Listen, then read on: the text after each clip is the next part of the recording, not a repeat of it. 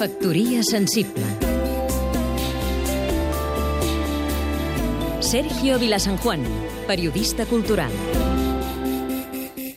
La figura del gran crític literari de diaris o revistes va ser una figura amb molt de pes en la cultura del segle XX.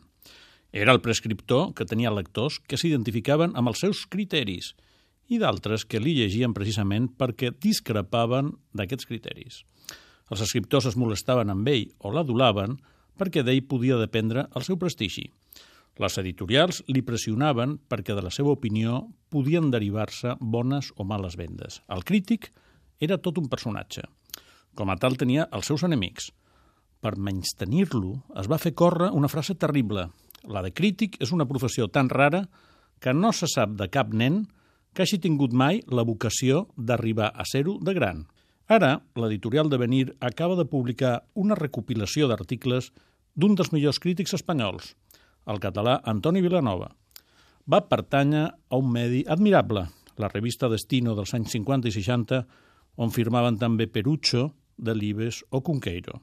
Vilanova va escriure sobre Follner, Camus, Thomas Mann o Pasternak amb una prosa elegant, carregada d'adjectius, intentant buscar sempre el rarafons moral de l'obra literària.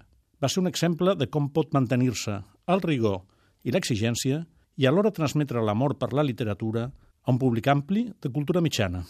Jo no sé si quan tenia set anys Vilanova ja somiava ser crític, però la seva trajectòria, vista des del present, és un magnífic exemple de vocació realitzada. Factoria sensible Seguim-nos també a catradio.cat